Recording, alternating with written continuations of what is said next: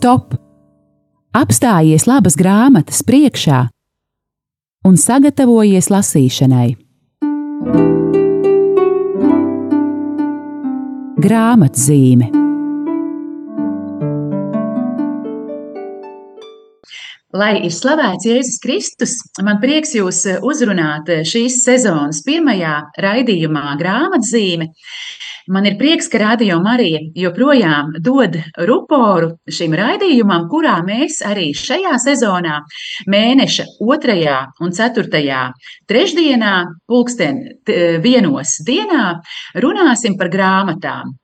Mēģināšu jūs iepazīstināt ar labām grāmatām, kas būs svaigi iznākušas vai pirms kāda laika iznākušas, un par kuru lasītājiem es jūs aicināšu kļūt. Mani sauc Aija Balode, es pārstāvu izdevniecību Kala raksti. Mēs reizi mēnesī izdodam mieram tuvu izdevumu, un pa brīdim arī kādas citas grāmatas. Un man prieks, ka, ša, ka šo pirmo sezonas raidījumu mēs varam sākt runājot par tie, patiešām par ļoti vērtīgu, apjomīgu, saturīgu, pat vēsturisku grāmatu Broņislavs Valpitrs laikmeta liecinieks. Un jāpateicas par šo grāmatu, par to, ka mēs pie tās drīkstējām strādāt un izdot. Man ir priesterim Dmitrijam Artjomovam, Marijāņu tēvam, un liels mans prieks un pagodinājums, ka priesteris Dmitrijs ir atradis laiku, lai šodien arī ar mums aprunātos šajā raidījumā grāmatzīme. Esiet sveicināts, priesteri Dmitriju! Sveicināti! Čau! Lūk, nu patiešām arī tagad varu visu radio klausītāju klātbūtnē jums vēlreiz pateikt lielu paldies, ka jūs mūsu izdevniecību Kala raksta iesaistījāt šajā Broņislava Valpitra grāmatas projektā. Varbūt pastāstiet, kāpēc jums tas bija svarīgi ļaut Latvijas katoļiem, kristiešiem, vispār Latvijas sabiedrībai ar šo cilvēku iepazīties, jo man jāatzīstas, tiešām manus, manu ce, manus ceļus nebija krustojis tēvs Valpīters, un tikai eh, strādājot pie šīs grāmatas, es uzzināju tiešām par šo nu, pārsteidzošo cilvēku, kas tik ļoti bagātu un tik eh, tiešām tik. Eh, jā, tik, tie, tiešām tik bagāti, tik daudz piedzīvojis savā mūžā, tādu mūžu piedz, tātad nodzīvojis. Jā, kāpēc tas jums bija svarīgi, kā Marijānim? Nu šeit jāsaka, ka ir vairāki slāņi. Pirmam kārtām 2019. un 2018. gadā es biju sācis studēt Daugavpils universitātē, vēstures fakultātē doktorantūrā, un mans mērķis bija uzrakstīt disertāciju, kuru es tā arī neuzrakstīju, tieši par Marijāņu kongregācijas darbību Latvijā. Tāpēc šī interese par mūsu kongregācijas, Marijāņu kongregācijas vēsturi Latvijā, nu, tas bija pirmais solis tam, lai uh, vispār sagatavotu kaut ko tādu. Uh, un kad es sāku meklēt materiālus, uh, tad skaidrs, ka es zināju iepriekš, ka pastāv Broņislava Valpitra un arī tēva Benedikta Skrindas piemiņas, jeb memoāri, tā mēs to varētu pat nosaukt. Un kad pirmo reizi jau vairākus gadus atpakaļ tie bija trāpījušas manās rokās, Jā, es atzīšos, ka tēva Valpitra memoārus izlasīju pa diviem vakariem. Tas bija piecas burtnīcas mašīnrakstā. Un viņš, aprakstot savas dzīves gaitas, arī piemin ļoti daudzus notikumus, kuru liecinieks viņš ir bijis. No šejienes arī radās tā interese par Marijāņu vēsturi. Bet, nu, tā kā nāca Covid un arhīvi kādu laiku bija ciet, un mēs negājām uz universitātēs tā, uh, mazliet sadusmojos uz to visu situāciju, un tad uh, aizgāju uz citu universitāti, kur varēju mācīties attālināti, uh, turpināju teoloģijas studijas, un mm, arī uh, temats bija Marijāņu darbība Latvijā, bet tikai aplūkots jau no teoloģiska redzes punkta. Un faktiski visi tie materiāli, kas bija salasīti tai pirmai disertācijai, noderēja tai, tai kurā galu galā tāpā. Un tas bija pirmais - interese par vēsturi. Bet otrais slānis uh, ir mana personīga simpātija pret šo cilvēku, pret uh, tēvu Valpitru. Jo, redziet, tēvs Benedikts Krimda un tēvs Bronislavs Valpitrs tie bija pirmie marijāņi, kas um, ne tikai ieradās Latvijā, nu, es izbraucu no Latvijas uz, uz noviciātu un ieradās Latvijā, bet viņi bija arī klostra dzīves atjaunotāji, mm, pēc Latvijas neatkarības atgūšanas, jo 1924. gadā viņi jau um, sāka darboties Viļānos un darbojas, un Marijāņi darbojas Latvijā līdz, ša, līdz šai dienai. Un tāpēc viņi arī priekš manas personīgas identitātes, kā mm, priestere, kurš pieder pie šīs kongregācijas, arī abi divi ir ļoti svarīgi. Es atklāšu tādu nelielu noslēpumu, ka tagad tiek gatavoti arī tēva Benedikta Skrindas memoāri, un ceru, ka nākošais gads tie iz, iznāks, un mēs varēsim arī iepazīties ar tiem. Bet katrā ziņā tas ir mana personīga simpātija pret abiem diviem tēviem, bet ar tevu Valpitru uh, bija vieglāk strādāt, un tāpēc viņš bija pirmais uh, Um, cil, pirmai, bija pirmai, tas bija pirmais teksts, ar kuru es biju sācis strādāt. Un trešais slānis, tas ir fakts, ka 24. Gada, 2024. gadā aprīt simts gadi kopš Marijāņi darbojās Latvijā. Un līdz ar to es domāju, ka bija īstais laiks tam, lai iepazīstinātu arī plašāko sabiedrību ar abiem diviem tēviem, ar tēvu Valpitru un ar tēvu Skrindu. Uh, E, protams, e, kā varētu rakstīt e, rakstus, kā varētu popularizēt sociālajos tīklos, bet man likās, ka vislabāk būtu iedot iespēju viņus, viņiem pašiem uzrunāt mūs. Un tāpēc, kad atklāju, ka Marijāņu, atklājot es to jau sen, protams, ka Marijāņu arhīvā Viļānos glabājas gan viena, gan otra tēva memoāri, nu, tad jau um, tas būtu, laikam, neteikšu, ka nāvīgs grēks, jo nav tādas kategorijas, bet tas būtu liela nolaidība, ja mēs neizmantotu šo iespēju, lai iepazīstinātu lasītājus. Un tā tapa šī grāmata. Jāatzīst, es biju pārsteigts, jo tur bija tikai piecas burtnīcas nelielas uh, A4 formātā, ap 70 lapām katrā mašīnrakstā. Bet no tā visa sanāca tik diezgan bieza grāmata. Es biju pārsteigts, ka viņa tik liela. Bet, nu, ir sanāca. E, patiešām, nu, tie klausītāji, kas vēl nav turējuši šo grāmatu rokās, e, tas nav nu, melots e, grāmata. Patiešām man šķiet, mūsu izdevniecībā tā ir prāvākā grāmata. Pat pārsniedzot māsas Faustīnas dienas grāmatu un Aleksandra Meņa cilvēku dēlu. Jā, un mm, tiešām, kā jūs sakāt, Priesteris Broņislavs Vālapīters, viņš tātad iepazīstina, jā, ar lielu pazemību, ar lielu vienkāršību. Viņš tad paklausa savai kongregācijai un raksta šos memoārus. Bet tā kā viņas dzīves gadi ir 1899 līdz 1976, tad tiešām ļoti e, garu mūžu šis tēvs ir nodzīvojis ar lielu pazemību, mīlestību, rakstot par savu bērnību, par skolas gaitām, par studijām, par um, visiem vēstures satricinājumiem, laiku maiņām, par izsūtījumu, par atgriešanos. Neviļus viņš stāsta arī par mūsu baznīcas un par mūsu valsts vēsturi. Un, un tā ir tāda vēl viena milzīga um, vērtība šai grāmatai, ka patiešām mēs izejam cauri savas valsts vēsturei vēsturei, un pie tam no ļoti interesanta skatu punkta. Kā ir būt jauneklim, kas gatavojas kļūt par priesteri un attiecīgi jau priesterim visos šajos ļoti sarežģītajos laikos. Lūk, raidījuma otrajā daļā es arī nolasīšu kādus, kādus fragmentus no grāmatas, kas ieskicē, kā tēvs Valpitrs par to visu raksta. Um, Varbūt, ka es varu jums vēl palūgt mazliet par grāmatas formu eh, pastāstīt, jo tā bija tieši jūsu eh, priesteri Dmitrija iecere. Eh, redziet, kad es gatavoju šo tekstu, man bija viena liela dilemma, un es arī konsultējos ar dažiem vēsturniekiem, ar dažiem filologiem, jo tēvs Broņislavs Valpiters iemācījies latviešu valodu tikai faktiski sāka mācīties tikai pēdējos semināra gados, jo viņš ir dzimis Ilukstes novadā, tagadēji Ilukstes novadā, novadas teritorijā, un tas ir brīnums, ka tajā laikā tu runāja poliski un krieviski. Un līdz ar to viņam nebija saskarsmes ar latviešu valodu, viņš zināja tik atsevišķus vārdus. Un pēc tam, kad tapa šis teksts, lasot šo tekstu, protams, es neveicu tādu kritisku analīzi, jo tas nebija arī mans mērķis, arī man nav tādu iemaņu īstenībā, uh, Bet uh, var redzēt, ka tur ļoti daudz tādu krievu štampu, krievu vārdu. Kaut kādi vārdi tiek izmantoti nu, mazliet savādāk, kā esam pieraduši.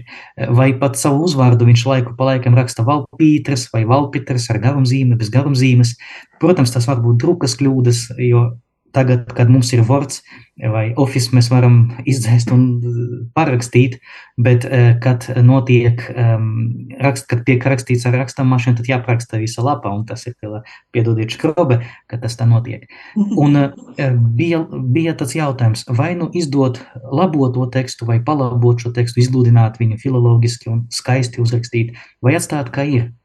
Un, kad bija daļa no viņa memoāriem tika publicēti Katoļu dzīves eh, žurnālā, un gan tur ir šis teksts ir daudz maz izgludināts. Un arī šo tekstu, kad es turēju rokās, to oriģinālo, tur bija redzēts, bija redzams, kā ar roku kāds jau bija kaut ko labojis.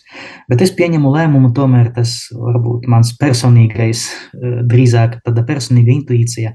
Es padomāju tā, ja, es, ja mēs dodam balsi tajam valpitram, tad mēs dodam šo balsi ne tikai eh, saturiski, bet arī formāli. Un es uh, nolēmu atstāt tekstu tā, kā tas tāds ir bijis. Un, kā es rakstu ievadā, gribās paņemt sarkano pilspalvu un palabot tas kļūdas, bet mēs atstājam tā, kā ir.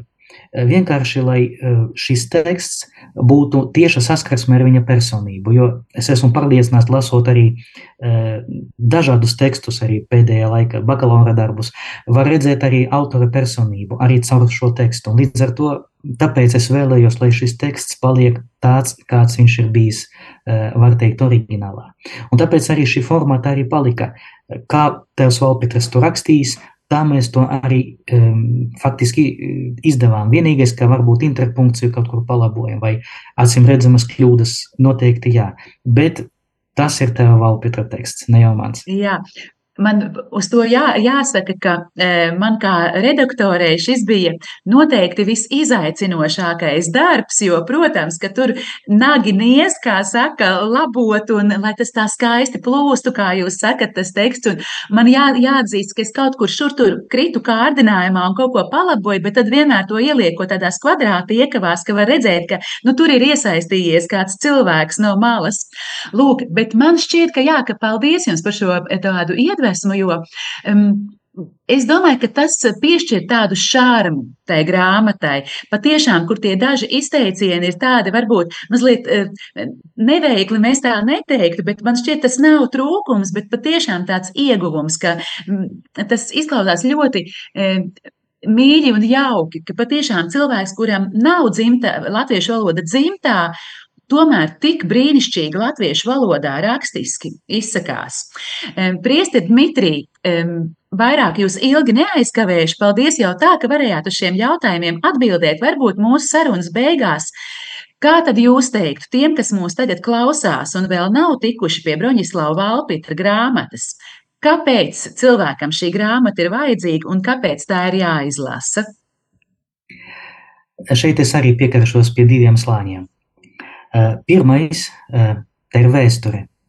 Eh, jo pēdējā, laik, pēdējos, pēdējā laikā, pateiksim tā, arī vēstures akadēmiskajā vidē, neteikšu, ka tas ļoti populāri, bet arī tiek pievērsta uzmanība tam, ka pateiksim tā, mazais cilvēks izdzīvo notikumus.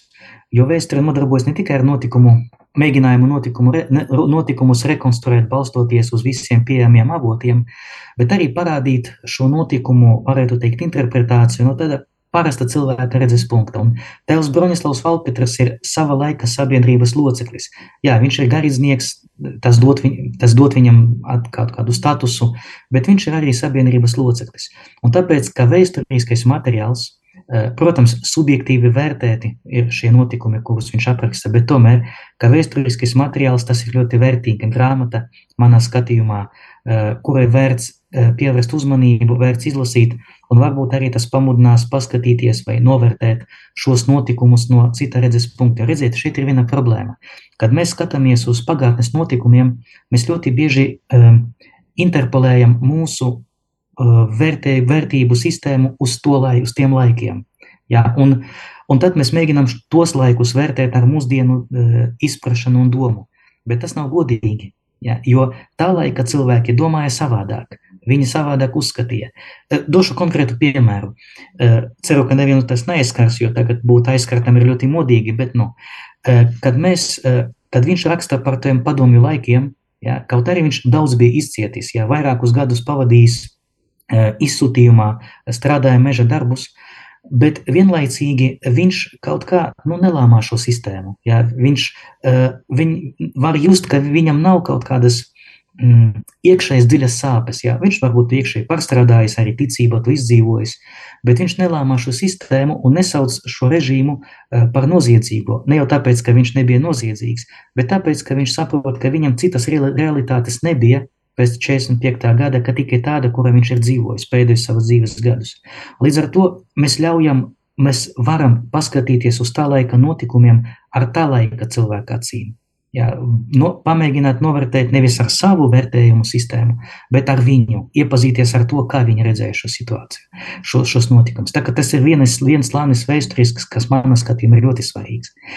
Bet otrais, tas ir teoloģiskais, jo, kad mēs studējam garīgas dzīves teoloģiju, jo tā ir mana studija joma, tad pirmais, ar ko mēs saskaramies, mēs saskaramies ar pašu cilvēku pieredzi, Eh, garīgo pieredzi, bet kā mēs šo pieredzi varam atklāt, kā mēs pie šīs pieredzes varam tikt.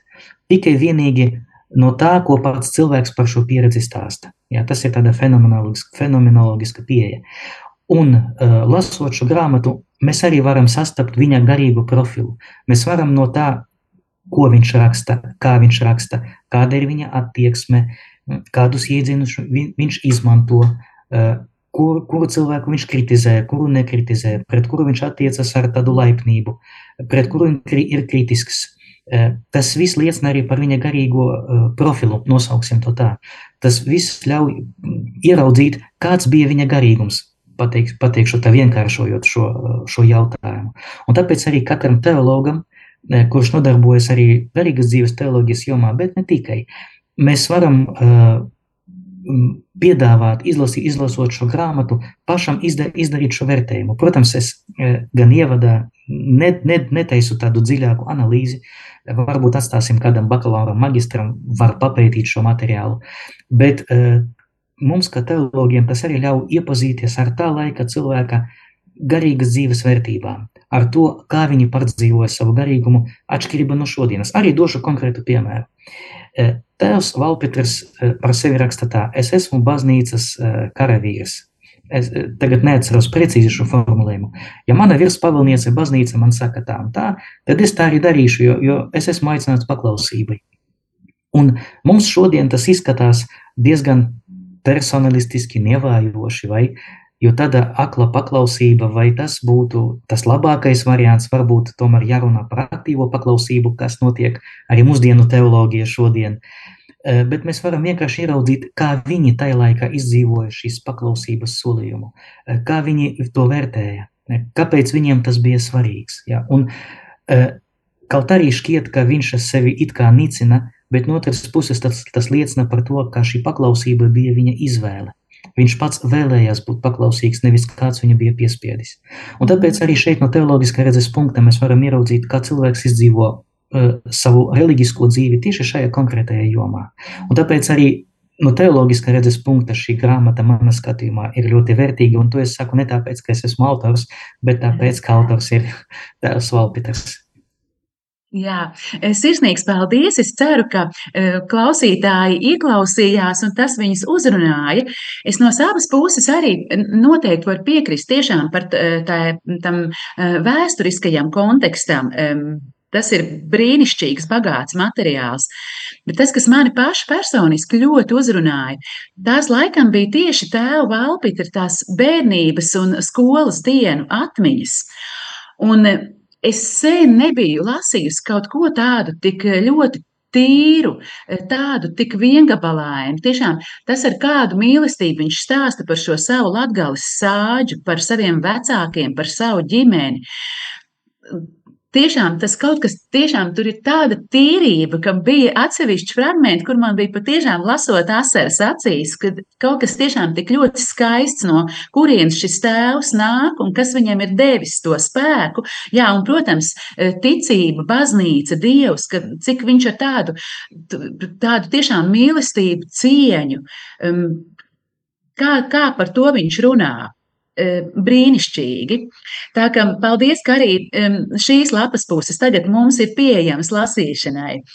Priester Dmitrij, paldies par šo grāmatu. Gaidīsim Benediktas Krindas memoārus, labprāt pie tiem strādāsim, un tad jau atkal sazināsimies un iepazīstināsim arī klausītājus ar jauniem izdevumiem, vai ne?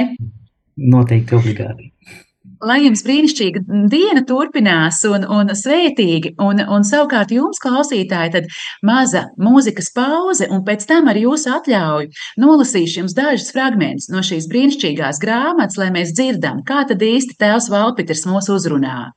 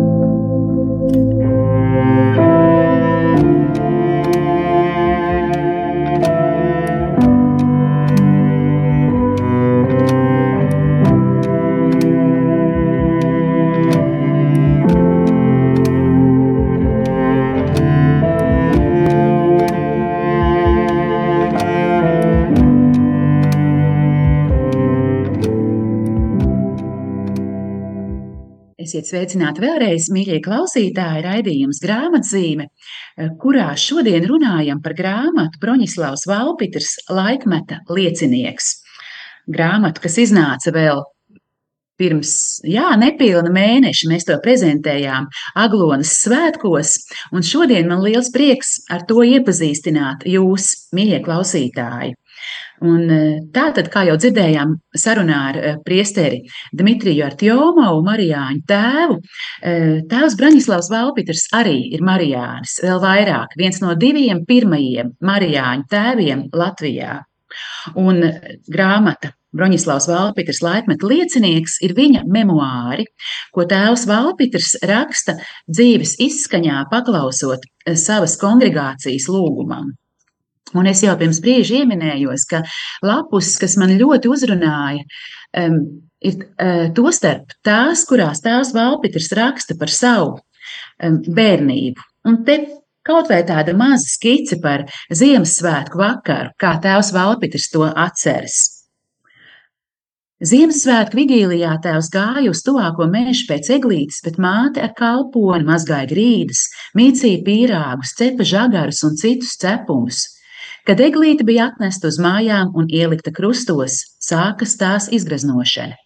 No šī darba tika izslēgti visi mazie bērni, bet man, kā vecākajam, bija atļauts palīdzēt mātei šī darbā. Tēvs gāja parasti pie citiem darbiem, bieži vien viņam bija vēl jābeidz brūvēt aus.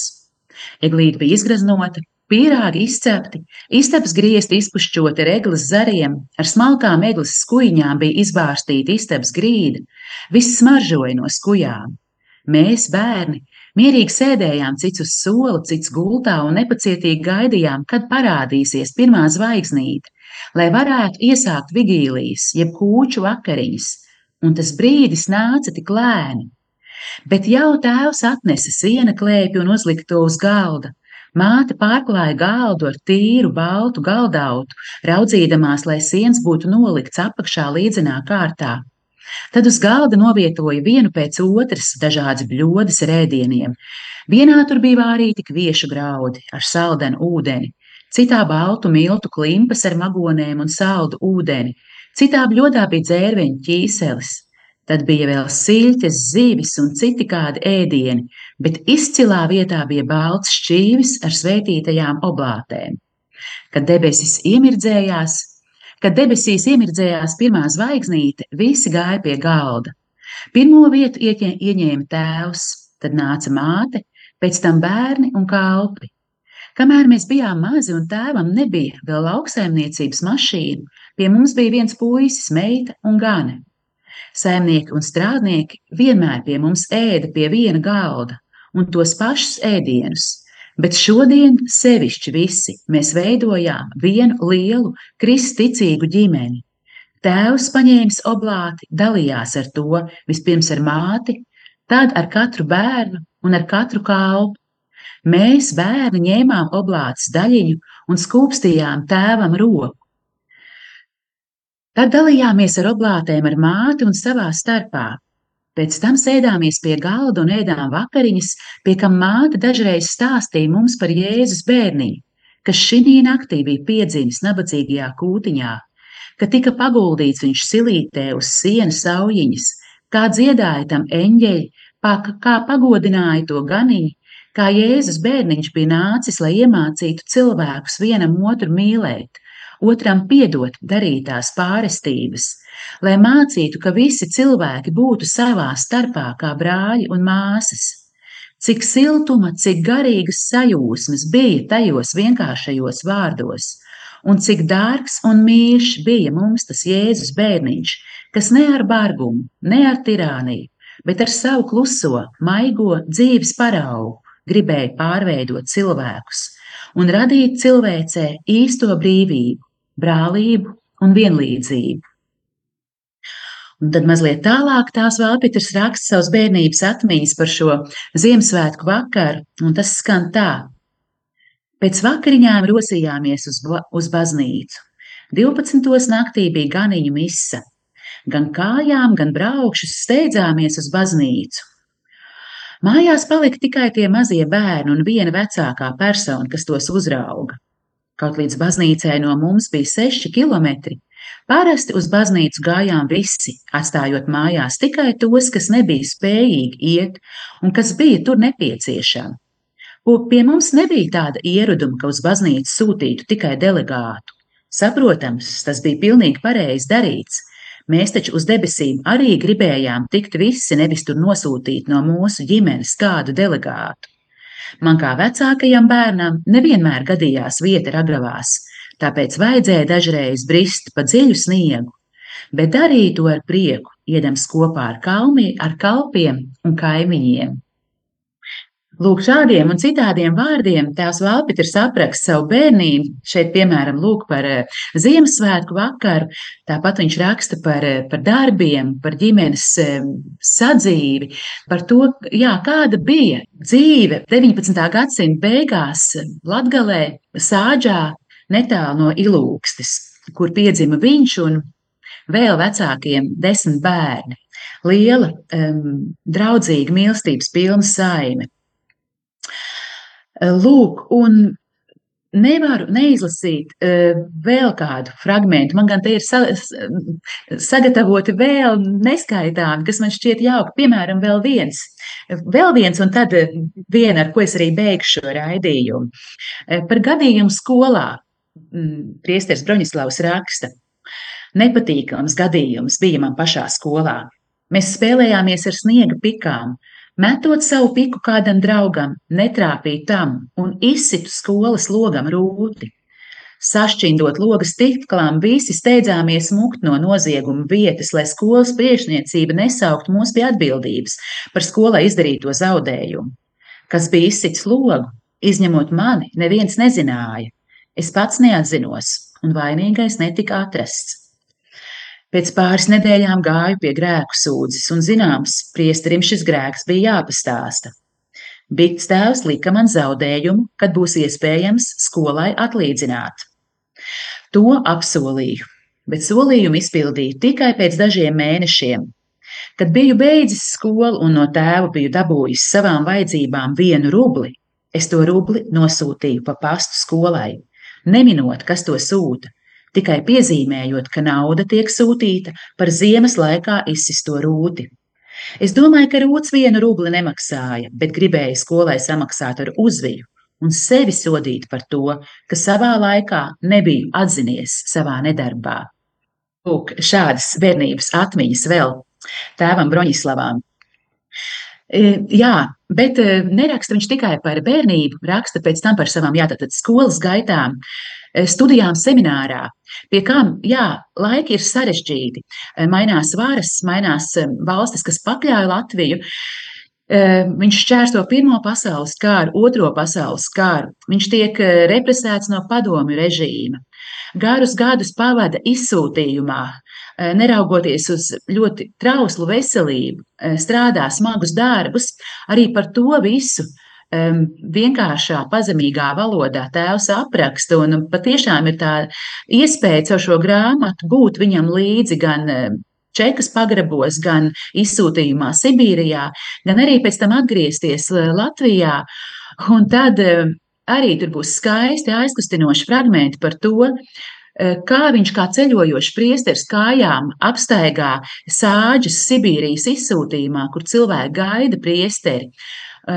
Pēc ilgiem gadiem viņiem ir iespēja eh, svinēt sakramentus, eh, piedalīties misē, iet pie grēksūdzes.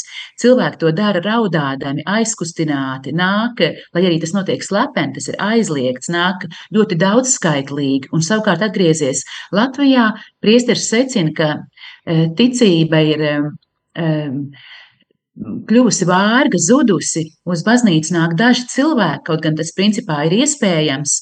Un viņš raksta, es nesaprotu, kā tas tā ir iespējams, ka tur, kur um, tiešām tik briesmīgos apstākļos, apspiestībā cilvēki meklē priesteri, kilometriem tālu iet kājām, lai viņiem būtu šī iespēja svinēt sakramentus un asarām acīs to dara, bet šeit atgriezies Latvijā, viņš tādu deksmi nejūt.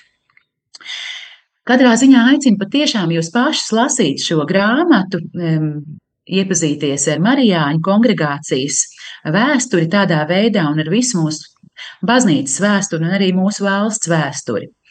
Bet eh, pabeigšu raidījumu ar vienu um, nelielu fragmentu vēl no um, tēva Broņislava bērnības atmiņām, un tas skan šādi. Citādi dzīve ritēja pie mums pa vecam, Mani vecāki sagaidīja ģimenes pieaugumu, viņiem piedzima desmitais bērns, meitene, kuru nokristīja Helēnas vārdā. No ilūgstas draudzes Pēterburgas seminārā mācījās vairāki jaunieši - Alfons Pastors, Antons Čamāns, Jāzeps Jasevičs, Polislavs Jarmušs un Jānis Maciejovskis. Kādā agrā pavasara dienā aizgājis pie sava latīņu valodas skolotāja uz stundām, dabūju zināt, ka viens no viņiem, Boļislavs Jērmušs, bija izstājies no semināra. Nezinu, kāpēc šī ziņa tā uztrauca mani, ka iedams uz mājām gandrīz visu ceļu raudāju kā bērēs. Un kāpēc raudāju, nevaru pateikt. Vai man bija žēl, ka baznīca bija zaudējusi vienu kandidātu uz priestera amatu, vai man bija bailes, ka mani arī nesagaidītu līdzīgs liktenis, bet es raudāju tā, ka viss kabatlakatiņš kļuva slapjš no asarām. Lūk, arī šāda mm, atmiņa, vairāk gan no jaunības, kad eh, tās um, Boļislavs, to toreiz vienkārši Broņislavs jaunais puisis jau ir um, nobriedis savā aicinājumā kļūt par uh, priesteri. Lūk, šāda atmiņa, kur tiešām parādās viņa lielā mīlestība pret baznīcu un to, ka viņš ir no savas puses gatavs darīt visu, lai baznīcu stiprinātu ar savu kalpojumu, un ka viņam līdz asarām sāp sirds, ja um, kādu kalpotāju baznīca zaudē. Jā, lūk, par šādu grāmatu. Broņislavs Valpiters, laikmeta liecinieks, man bija prieks jūs šodien iepazīstināt. Ceru, ka jūs tas ieinteresēja.